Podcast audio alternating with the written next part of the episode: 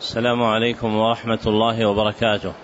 الحمد لله الذي أنزل القرآن آيات بينات ففسره رسوله بالأحاديث الشريفات وأشهد أن لا إله إلا الله وحده لا شريك له وأشهد أن محمدا عبده ورسوله اللهم صل على محمد وعلى آل محمد كما صليت على إبراهيم وعلى آل إبراهيم اللهم بارك على محمد وعلى آل محمد كما باركت على إبراهيم وعلى آل إبراهيم إنك حميد مجيد. أما بعد فهذا المجلس السادس في شرح الكتاب الأول من برنامج التفسير النبوي للقرآن وهو كتاب الأربعين المدنية في تفسير القرآن بالسنة النبوية. لمصنفه صالح بن عبد الله بن حمد العصيمي. وقد انتهى بنا بيانه إلى قوله الحديث الأول. نعم. الحمد لله وصلى الله وسلم على نبينا محمد. اللهم اغفر لنا ولشيخنا ولوالديه ولمشايخه وللمسلمين. قلتم غفر الله لكم. في الأربعين المدنية في تفسير القرآن بالسنة النبوية. الحديث الأول في تفسير قوله تعالى غير المغضوب عليهم ولا الضالين. عن عدي بن حاتم رضي الله عنه عن رسول الله صلى الله عليه وسلم قال اليهود مغضوب عليهم والنصارى ضلال. رواه الترمذي وقال حديث حسن غريب. موارد القول في هذا الحديث ثلاثة. فالمورد الأول معرفة راوي الحديث وهو عدي بن حاتم ابن عبد الله الطائي ولد حاتم المضروب به المثل في الكرم. يكنى بأبي طريف بفتح طائه. توفي بعد الستين اتفاقا واختلف في تعيين سنته من ذلك. واختار خليفة بن خياط وأبو الفضل بن حجر أنه توفي سنة ثمان وستين. وقد أسن. قال خليفة مات وله من العمر مئة وعشرين سنة. وقال أبو حاتم السجستاني مات وله من العمر مئة وثمانين مئة وثمانون سنة. وكان من الصحابة الذين ثبتوا أيام الردة ومن أحواله رضي الله عنه أنه كان شديد التعظيم للصلاة. فكان يقول ما أقيمت صلاة إلا وأنا على وضوء. ما أقيمت صلاة إلا وأنا على وضوء. وقال أيضا ما جاء وقت صلاة قط إلا وأنا أشتاق إليها. ما جاء وقت صلاة قط إلا وأنا أشتاق إليها. وكأن هذا كان في حاله رضي الله عنه لأنه كان متعبدا نصرانيا قبل الإسلام فلما وجد الحق بعد الباطل الذي علق به عظمت محبته لما عرف من الحق. فكان من وجوه تعظيم الحق عنده عنايته عنايته بالصلاة رضي الله عنه. والمورد الثاني تخريج الحديث. فالحديث المذكور أخرجه الترمذي في جامعه. قال حدثنا محمد بن المثنى وبندار واسمه محمد بن بشار. قال حدثنا محمد بن جعفر قال حدثنا شعبة عن سماك بن حرب عن عباد بن حبيش عن عدي رضي الله عنه فذكر الحديث. وأخرجه الترمذي أيضا من حديث عمرو بن أبي قيس عن سماك بالإسناد المتقدم بسياق أتم وهو المحفوظ عن سماك أنه يرويه عن عباد بن حبيش عن عدي بن حاتم رضي الله عنه وخلط فيه بعض الرواة فرواه حماد بن سلمة عن سماك بن حرب عن مري بن قطري عن عدي بن حاتم وهو غلط لأن المعروف في رواية سماك أنه حدث به عن عباد بن حبيش لا عن مري بن قطري. ورواه صالح بن حي وأبو بكر الهذلي عن سماك بن حرب مرسلا ورواية شعبة وغيره من الثقات عن سماك عن عباد بن حبيش عن عدي بن حاتم هي المحفوظة فيه وهي التي قدمها الترمذي فرواها في جامعه كما سلف. وهذا الحديث مما انفرد به الترمذي عن بقية الستة فلم يروه أحد سواه. وله عند الترمذي في إحدى روايتيه سياق أطول مما اقتصر عليه المصنف فيما ذكره منه مما يتعلق بمحل الشاهد. ولما رواه الترمذي قال هذا حديث حسن غريب. ولأبي عيسى الترمذي رحمه الله كلام في بيان اصطلاحاته في كتابه. ذكره في آخر كتابه في كتاب العلل الصغير منه.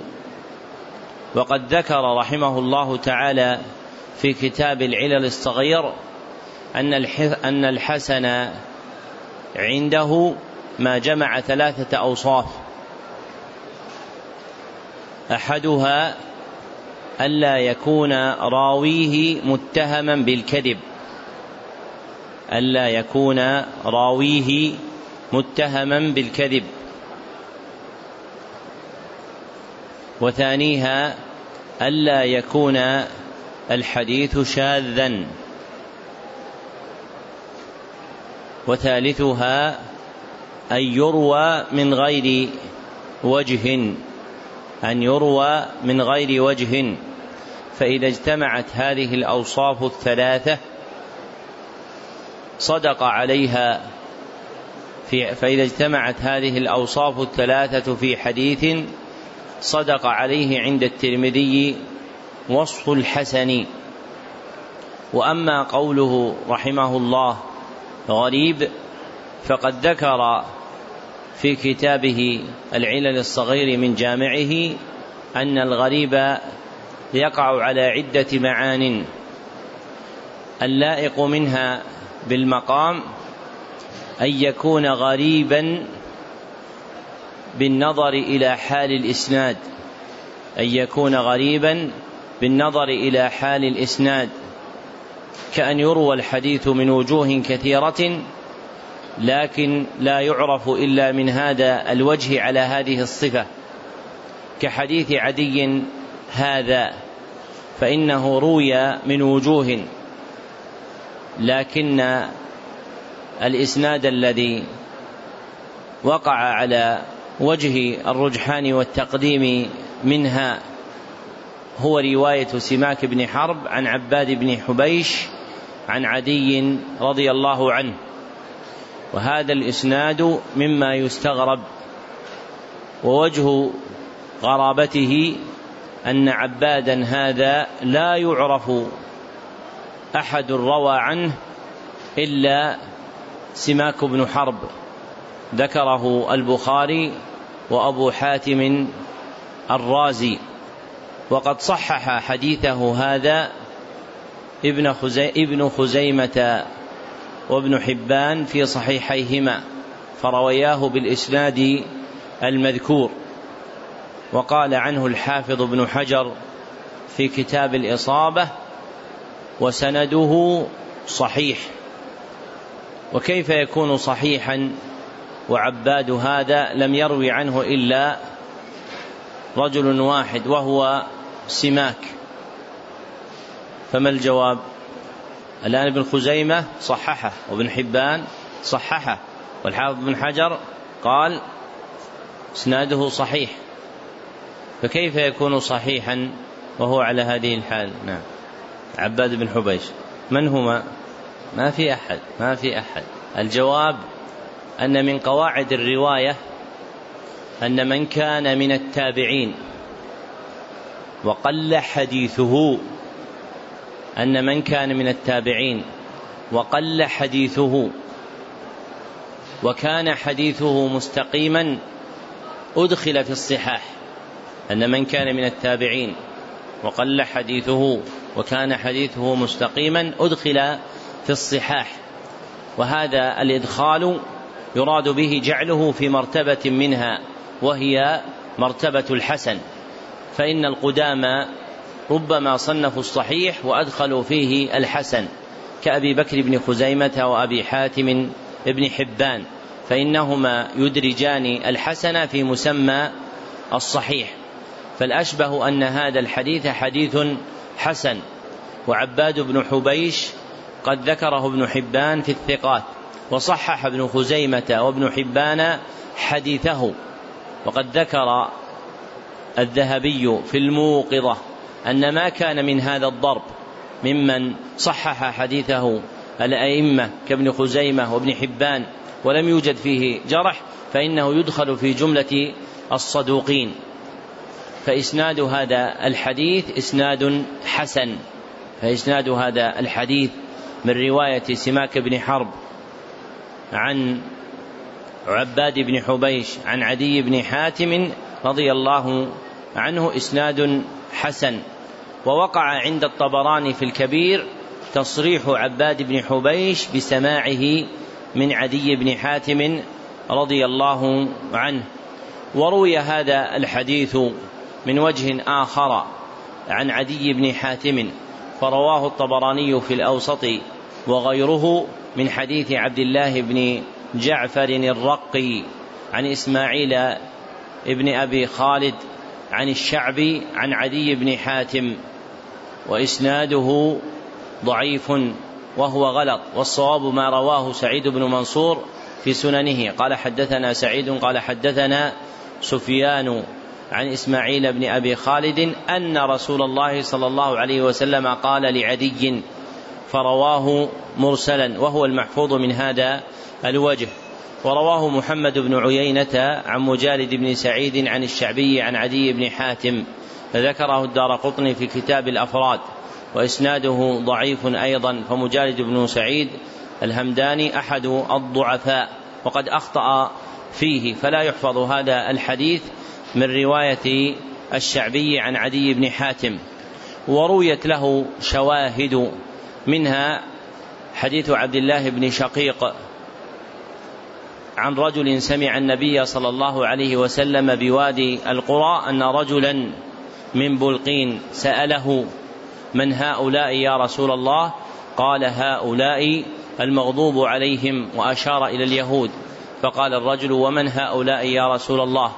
فقال هؤلاء الضالون وأشار إليهم يعني النصارى ورجاله ثقات إلا أن المحفوظ عن عبد الله بن شقيق أنه مرسل كما رواه سعيد بن إياس وخالد بن الحذاء وغيرهما من الثقات عند ابن جرير في تفسيره ورواه ابن مردويه في تفسيره من حديث عبد الله بن شقيق عن أبي ذر رضي الله عنه وقال الحافظ وإسناده حسن وفيه نظر لأن مداره على عبد الله بن شقيق ورواية الثقات عنه أنه مرسل من حديثه. ورواه البيهقي في شعب الإيمان من حديث ابن عباس رضي الله عنه مرفوعا ولا يصح أيضا فإسناده ضعيف جدا. فالمروي في هذا الباب عن النبي صلى الله عليه وسلم لا يثبت إلا من حديث عدي بن حاتم بالإسناد الذي رواه الترمذي وغيره من حديث سماك بن حرب عن عباد بن حبيش عن عدي بن حاتم رضي الله عنه عن رسول الله صلى الله عليه وسلم أنه قال اليهود مغضوب عليهم والنصارى ضلال فهذا الإسناد إسناد حسن. فيكون حديث الباب حديث إيش؟ يكون حديث يكون حديثا حسنا. والمورد الثالث بيان ما يتعلق به من تفسير الآية. بيان ما يتعلق به من تفسير الآية وهي قوله تعالى غير المغضوب عليهم ولا الضالين فالحديث يدل أن المغضوب عليهم هم اليهود وأن أن وأن الضالين هم النصارى. قال ابن أبي حاتم في تفسيره ولا أعلم في ذلك خلافا بين المفسرين ولا أعلم في ذلك خلافا بين المفسرين. فعلم أن تفسير المغضوب عليهم باليهود وتفسير الضالين بالنصارى ثابت بدليلين. أحدهما أحدهما النص هذا تعبير علماء الجدل. النص تعبير علماء الجدل ولكن الحديث النبوي. أحدهما الحديث النبوي من رواية عدي بن حاتم رضي الله عنه والدليل الآخر الإجماع الذي نقله الذي نقله ابن أبي حاتم في تفسيره ومن قواعد علم التفسير أن ما وقع فيه خلف بين المفسرين فجاء فيه حديث مبين معناه فالمقدم القول الذي اقترن به الحديث النبوي الصريح في ذلك. قال ابن جرير وإذا ثبت الخبر عن رسول الله صلى الله عليه وسلم كانت الحجة في تفسيره. وقال القرطبي في موضع من تفسيره وتفسير رسول الله صلى الله عليه وسلم أولى واعلى وأحسن. وتفسير رسول الله صلى الله عليه وسلم أولى وأعلى وأحسن. انتهى كلامه. فمتى صح النبي الحديث عن النبي صلى الله عليه وسلم في تفسير آية؟ فإن المقدم هو تفسير الرسول صلى الله عليه وسلم. ومن قواعده أيضا أنه إذا وقف على إجماع منقول في تفسير آية عن الصحابة أو التابعين أو من بعدهم فالمقدم هو القول بالإجماع لأن الإجماع حجة قاطعة ويتأكد ذلك في تفسير القرآن الكريم للقطع بأن أصحاب النبي صلى الله عليه وسلم أخذوا علم التفسير عنه صلى الله عليه وسلم وكذلك أخذ التابعون علم التفسير عن أصحاب النبي صلى الله عليه وسلم. ولا يكاد هؤلاء وأولئك أن يتكلموا في التفسير بشيء من الاستنباط إلا بشيء قليل. فإذا انعقد الإجماع على شيء نقل في التفسير عن الصحابة رضي الله عنهم أو عن التابعين أو من بعدهم فالحجة فيه. وإذا وقع في كلام غيرهم قول يخالف قولهم فإن هذا التفسير من محدثات التفسير التي سماها الزمخشري فأحسن ببدع التفاسير. التي سماها الزمخشري فأحسن ببدع التفاسير. فبدع التفاسير هي الأقوال في تفسير القرآن الكريم مما لم يوجد في كلام الصحابة ولا كلام التابعين ولا أتباعهم من السلف رحمهم الله تعالى. وعلم التفسير أصلا من العلوم النقلية المحضة فالأصل فيه الاعتماد على النقل. فإذا فقد النقل ساغ للإنسان أن يتكلم فيه بالفهم والاستنباط باعتبار ما يلوح له من دلائل القرآن والسنة.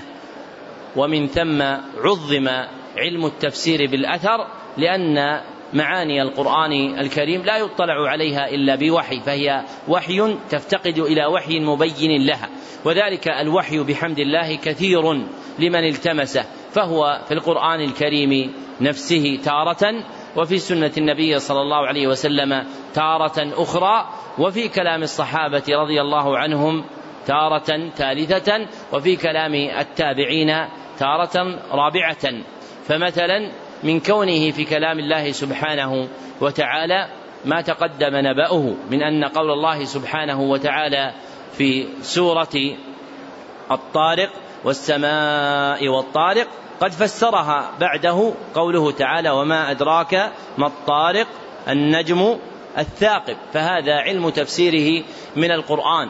وأما كونه مما أثر عن النبي صلى الله عليه وسلم فمثله هذا الحديث النبوي الذي فسر فيه النبي صلى الله عليه وسلم قوله تعالى غير المغضوب عليهم ولا الضالين بأن المغضوب عليهم هم النصارى وأن هم اليهود وأن الضالين هم النصارى. ومن جنس ما فسره الصحابة رضي الله عنهما قوله رضي الله عنهم قوله تعالى فلما آتاهما صالحا جعل له شركاء فيما آتاهما فإن الصحابة فسروه بأن ذلك من آدم وحواء وأما كونه من ذريتهم من المشركين فهذا من التفاسير المحدثة كما ذكره سليمان بن عبد الله بن محمد بن عبد الوهاب في تيسير العزيز الحميد. وإذا صحت الحجة عن الصحابة لم يكن لمن بعدهم قول ومثل ما عرف تفسيره عن التابعين مما فقد عمن قبلهم ما جاء عنهم في أن أنهار الجنة من غير أخدود. فإنهم فسروا, فسروا الآية التي فيها قول الله تعالى تجري من تحتها الأنهار أنها تجري من غير أخدود. وهذا التفسير جاء عن جماعة من التابعين كمسروق بن الأجدع وغيره ولا يعرف عمن قبلهم بسند صحيح. وإجماعهم على ذلك دال على أن المعنى المراد هو ما ذكروه لأن علمهم بالتفسير إنما أخذوه عن أصحاب النبي صلى الله عليه وسلم. فليكن المرء معتدا بهذه المسالك في تفسير كلام الله عز وجل مقدما ما فسر به القرآن بالقرآن. فإن لم يجد نظر فيما جاء عن النبي صلى الله عليه وسلم. فإن لم يجد نظر فيما جاء عن الصحابة رضي الله عنهم. فإن لم يجد نظر عما جاء عن التابعين. ولا يكاد يفقد التفسير بعد ذلك. وإنما يتكلم الإنسان بعد ذلك بمعان تلوح بالاستنباط والفهم أخذا من مجموع الدلائل من القرآن والسنة. فتفسير هذه الآية غير المغضوب عليهم ولا الضالين أن المغضوب عليهم هم اليهود وأن الضالين هم النصارى. وقد أخبر الله سبحانه وتعالى عن غضبه عن هؤلاء وعن ضلال هؤلاء. فقال سبحانه وتعالى في غضبه على اليهود فباءوا بغضب فباءوا بغضب على غضب. وقال في النصارى وقد ضلوا من قبل وأضلوا كثيرا وضلوا عن سواء السبيل. فاليهود قد وقع الخبر عنهم في القرآن بالغضب والنصارى قد وقع الخبر في القرآن عنهم بالضلال. وإنما غضب الله عز وجل على اليهود لأنهم تركوا العمل بالعلم الذي عندهم. ووقع النصارى في الضلال لأنهم عملوا بلا علم. فاليهود كان عندهم فاليهود كان عندهم علم من الكتاب إلا أنهم تركوا العمل بالكتاب فغضب الله سبحانه وتعالى عليهم. كما قال الله عز وجل أتأمرون الناس بالبر وتنسون أنفسكم وأنتم تتلون الكتاب أفلا تعقلون؟ قال ابن القيم رحمه الله تعالى لو نفع علم بلا عمل لما ذم الله أحبار أهل الكتاب. قال الله تعالى أتأمرون الناس بالبر وتنسون أنفسكم وأنتم تتلون الكتاب أفلا تعقلون؟ انتهى كلامه من كتاب الفوائد. وأما النصارى فإنهم كانوا يريدون خيرا ولكنهم عملوا بلا علم كما قال الله عز وجل ورهبانية ابتدعوها ما كتبناها عليهم فهم قصدوا الوصول إلى الله سبحانه وتعالى لكنهم عملوا بغير علم فوقعوا في الضلال. فلا تكمل حال الإنسان إلا بجمعه بين العلم والعمل. وهذه هي حقيقة الصراط المستقيم. ولذلك قال الله عز وجل في سورة الفاتحة اهدنا الصراط المستقيم صراط الذين أنعمت عليهم. ثم قال غير المغضوب عليهم ولا الضالين. للإخبار بأن الصراط مركب مما فقد من هاتين الطائفتين. فالطائفة الأولى وهم اليهود فقد منهم العمل. والطائفة الثانية وهم النصارى فقد منهم العلم. فإذا جمع الإنسان بين العلم والعمل فإنه يكون من المنعم عليهم. وهذه الآية وإن كانت في اليهود والنصارى فإنها بالاتفاق تتناول غيرهم ممن وقع في مضاهاتهم. فإنها تتناول غيرهم ممن وقع في مضاهاتهم. قال سفيان بن عيينة رحمه الله من ضل من علمائنا ففيه شبه من اليهود ومن ضل من عبادنا ففيه شبه من النصارى من ضل من علمائنا ففيه شبه من اليهود ومن ضل من عبادنا ففيه شبه من النصارى. فكونه مشابها لليهود في حقه فكون العالم مشابها لليهود إذا ضل في هذه الأمة فذلك أن عنده علم. فإذا ترك هذا العلم ولم يعمل به صار مشابها لليهود. وأما كون العابد إذا ضل في هذه الأمة وقع في مشابهة النصارى فذلك أنه يبتدئ عملا بلا علم. فيقع فيما وقع فيه النصارى من عبادة الله سبحانه وتعالى بلا علم. فمن أراد أن يسلك الصراط المستقيم فإنه لا يقدم على شيء إلا بعلم. وإذا وقع له العلم بادر بالعمل. فمتى جمع المرء هذين الوصفين؟ فإنه يكون حينئذ فقيها. فإن العلم هو إدراك خطاب الشرع. وأما الفقه فهو مرتبة فوق ذلك. وهي إدراك خطاب الشرع مع العمل به. إدراك خطاب الشرع مع العمل به. ذكره أبو عبد الله بن القيم في كتاب مفتاح دار السعادة وابن سعدي في مجموع الفوائد. ونقل ابن القيم رحمه الله تعالى إجماع السلف على أن الرجل لا يكون فقيها حتى يكون جامعا بين العلم والعمل. فمن جمع بين العلم والعمل سمي فقيها وصار من رؤوس أهل الصراط المستقيم جعلنا الله وإياكم منهم. فلا بد أن يجتهد العبد فيما عنده من العلم أن يعمل به لئلا يكون من المغضوب عليهم. وأن يجتهد مريد العمل في ألا يقدم على عمل إلا بعلم. ولهذا فالراجح في الواجب من العلم فوق القدر اللازم لكل أحد أن كل شيء أريد العمل به وجب تقدم العلم عليه.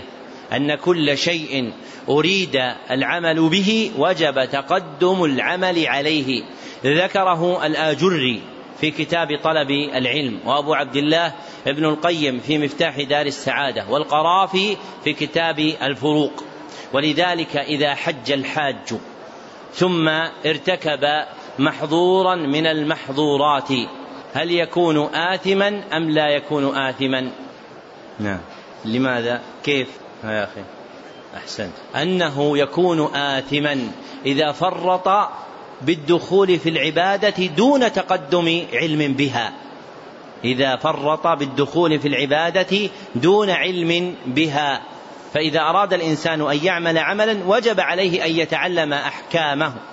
وكان عمر رضي الله عنه يقول من لم يعرف البيع فلا يبع في سوقنا.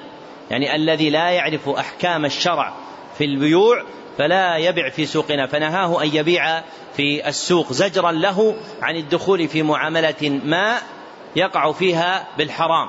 فالذين يبادرون بالدخول في عبادة أو معاملة دون استبانة حكمها الشرعي هم آثمون إذا فرطوا بالعلم بها لما تقرر من أن كل ما أريد العمل به وجب تقدم العلم عليه كما نقلته عن الأئمة الآن في ذكرهم.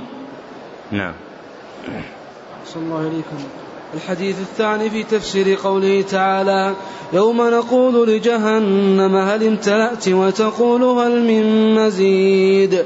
عن أنس بن مالك رضي الله عنه قال قال النبي صلى الله عليه وسلم لا تزال جهنم تقول هل من مزيد حتى يضع رب العزة فيها قدمه فتقول قط قط وعزتك ويزوى بعضها إلى بعض.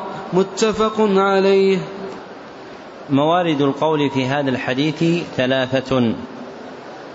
فالمورد الأول معرفة راوي الحديث وهو أنس بن مالك ابن النضر. أنس بن مالك ابن النضر الأنصاري الخزرجي خادم رسول الله صلى الله عليه وسلم. يكنى بأبي حمزة.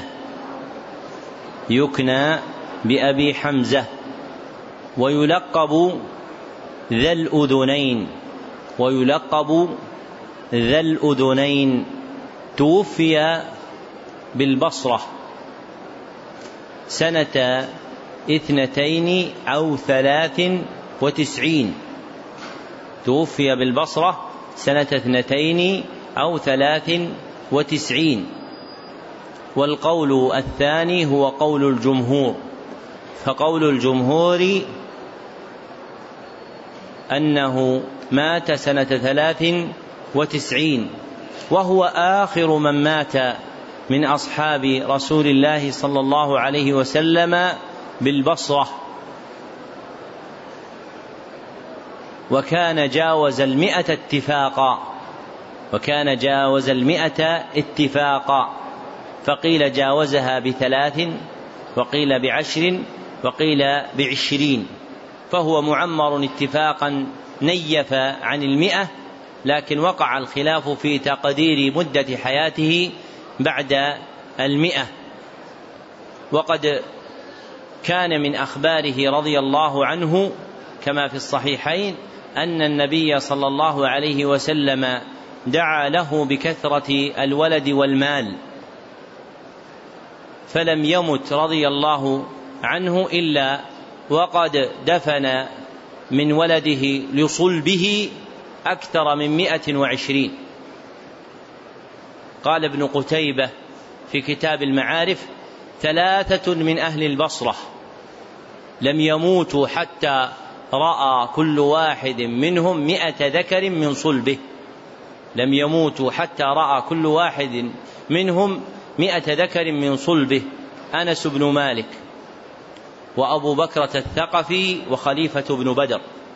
أنس بن مالك وأبو بكرة الثقفي وخليفة ابن بدر. وكان رضي الله عنه كثير العبادة. ذكر في أخباره رضي الله عنه أنه كان يطيل القيام. حتى تقطر قدماه دما رضي الله عنه وأرضاه من شدة معاناته قيام الليل وصبره عليه. فربما لشدة تشقق رجله قطر منها الدم. فكان رضي الله عنه يقوم الليل وهو على هذه الحال. وهذا دليل كثرة قيامه وإطالته له رضي الله عنه. والمورد الثاني تخريج الحديث وإليه أشار المصنف بقوله متفق عليه. فما معنى متفق عليه؟ نعم يا يقول الأخ رواه البخاري ومسلم أحد له رأي آخر؟ ها ياسين. اتفقوا في أصله. ها؟ كقوله. نحن نريد من يزيد عن قوله. يا عبد الله إيش يا عبد الله رواه. يطلق على ثلاث معاني. الأول والثاني أحسنت قلنا إن المتفق عليه يطلق على ثلاثة معان. أحدها أن يكون قد رواه البخاري ومسلم عن صحابي واحد وهو أشهرها. فلا يقال بإطلاق رواه البخاري ومسلم بل لا بد من تقييده من كون تلك الرواية واقع واقعة عن صحابي واحد. فلو أخرجاه من حديث صحابيين لا يقال متفق عليه فهذا أخرجه عن صحابي وذلك أخرجه عن صحابي آخر. والثاني أن المتفق عليه هو ما رواه البخاري ومسلم وأحمد في مسنده. ما رواه البخاري ومسلم وأحمد في مسنده. وعليه جرى أبو البركات ابن قدامة في كتاب المنتقى. وعليه جرى أبو البركات ابن أبو البركات ابن تيمية الجد في كتاب المنتقى. فإذا وقع عزو حديث فيه إلى المتفق عليه فهو مما رواه البخاري ومسلم وأحمد. طيب لماذا زاد أحمد؟ ها آه يا محمد أحسنت. لأنه كان حنبليا فلم يرضى بأن تنزل رتبة العزو إلى إمامه عن قرنه بالصحيحين فجعل طريقته أن يكون المتفق عليه ما رواه البخاري ومسلم وأحمد في مسنده. والثالث أن المتفق عليه ما وقع اتفاق المحدثين في أصولهم وقواعدهم على تصحيحه ما وقع من المحدثين على أصولهم وقواعدهم تصحيحه. فتجد أن من المتأخرين من متأخري الأوائل تجد أن من الحفاظ الذين تأخروا عن الطبقة المتوسطة كأبي نعيم الأصبهاني وابن منده ربما قالوا في حديث صحيح متفق عليه. لا يريدون أنه في البخاري ومسلم وإنما يريدون أنه صحيح باتفاق أهل الحديث وفق أصولهم وقواعدهم. وقد أشرت إلى ذلك في أبيات. ما هي؟ ها يا عبد الله. متفق عليه في اصطلاح اكتبوا. متفق عليه في اصطلاح أهل الحديث خذه باتضاح. متفق عليه في اصطلاح أهل الحديث خذه في اتضاح. مروي مسلم مع البخاري. مروي مسلم مع البخاري. عن واحد بالسند الخياري. الخيار بالكسرة دون إشباعها ياء. معناه السند المختار عن واحد بالسند الخياري. إيش؟ أحسنت. إلا الذي في المنتقى تراه. إلا الذي في المنتقى تراه. المنتقى يعني كتاب المنتقى في الأحكام لأبي البركات ابن تيمية. إيش؟ احسنت ففيهما وأحمد رواه. ففيهما يعني أين؟ الصحيحين. وأحمد أحمد من؟ ابن حنبل في مسنده. وأحمد ممنوع من الصرف لكنه صرف لأجل الوزن. قال الحريري في الملحة وجائز في صنعة الشعر الصلف أن يصرف الشاعر ما لا ينصرف. نعم. إيش؟ وغيره؟ ما أسمعك والله ما أسمعك. وقد وربما وربما يذكر هذا الحكم. أحسنت. وربما يجعل هذا الحكم. ويذكر ويجعل بنفسه. لكن إحنا أمليناها قبل. وربما يجعل هذا الحكم وصفا لما ترى الحفاظ يسمو. وصفا لما ترى الحفاظ يسمو.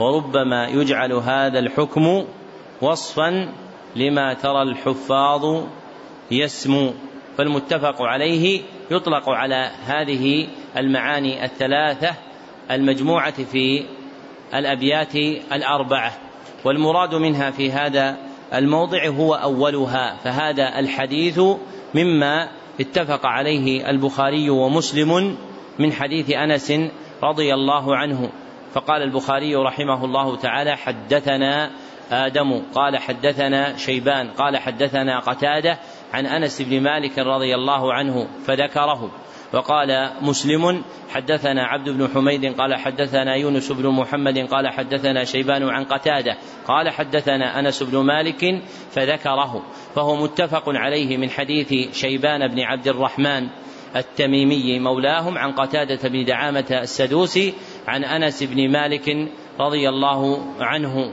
وروياه أيضا من حديث سعيد بن أبي عروبة عن قتادة عن أنس بن مالك وزاد في آخره ولا يزال في الجنة فضل حتى ينشئ الله لها خلقا.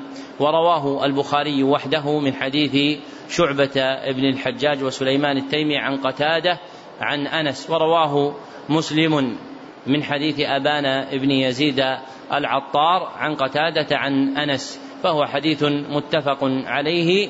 بهذه الأسانيد التي ذكرنا ومداره عندهم على رواية قتادة عن أنس ابن مالك واتفق عليه من حديث شيبان بن عبد الرحمن وسعيد بن أبي عروبة عن قتادة عن أنس بن مالك رضي الله عنه. والمورد الثالث بيان ما يتعلق منه بتفسير الآية وهي قوله تعالى يوم نقول لجهنم هل امتلأت وتقول هل من مزيد. ففي الحديث بيان الغاية التي ينتهي إليها قول النار هل من مزيد. ففي الحديث بيان الغاية التي ينتهي إليها قول النار هل من مزيد. فإن الله سبحانه وتعالى يقول يوم القيامة وهو المراد بقوله تعالى يوم نقول فإن ذلك اليوم هو يوم القيامة. وسؤاله سبحانه وتعالى النار له فائدتان. وسؤاله سبحانه وتعالى النار له فائدتان. إحداهما توبيخ أهلها توبيخ أهلها وإيجاعهم بسماع هذا وأنهم لا ينتظرون إلا شرا فوق الشر الذي هم فيه والآخر تصديق خبره سبحانه وتعالى في قوله لأملأن جهنم من الجنة والناس أجمعين. تصديق خبره في قوله تعالى لأملأن جهنم من الجنة والناس أجمعين. ذكره أبو الفرج ابن الجوزي في زاد المسير. فإذا كان يوم القيامة قال الله سبحانه وتعالى لجهنم هل امتلأت؟ وهذا السؤال اختلف في موقعه على قولين. أحدهما أنه سؤال للنار قبل امتلائها أنه سؤال للنار قبل وضع الله قدمه فيها أنه سؤال للنار قبل وضع الله قدمه فيها. والآخر أنه سؤال للنار بعد وضع الله قدمه فيها. أنه سؤال للنار بعد وضع الله قدمه فيها وأصحهما الأول أن الله سبحانه وتعالى يسألها فتقول هل من مزيد قبل أن يضع رب العزة فيها قدمه؟ واختاره أبو جعفر ابن جرير وأبو الفداء ابن كثير رحمهم الله تعالى. فلا تزال النار يلقى فيها مما توقد به من الناس والحجارة وهي تقول هل من مزيد؟ أي تطلب مزيدا حتى يضع رب العزة فيها قدمه. ورب العزة هو الله سبحانه وتعالى فالعزة من أوصافه كما قال تعالى ولله العزة ولرسوله فمعنى قوله حتى يضع فيها رب العزة أي صاحب العزة. أي صاحب العزة. ومنه قوله تعالى سبحان ربك رب العزة أي صاحبها المتصف بها. وذكرت لكم فيما سلف أن الرب عند العرب يرد إلى ثلاثة معان ذكرها ابن الأنباري هي المالك والسيد والمصلح للشيء القائم عليه. والمصاحبة ترجع إلى الملك والمصاحبة ترجع إلى الملك لكن لما كان متعلقها الصفة قيل صاحب العزة. وبهذا التقرير ينحل الإشكال عن قول القائل ورب القرآن. ينحل الإشكال عن قول القائل ورب القرآن لأن من أهل العلم من منعه لأن الربوبية عنده لا تكون إلا لمخلوق والمخلوق والقرآن غير مخلوق عند أهل السنة والجماعة.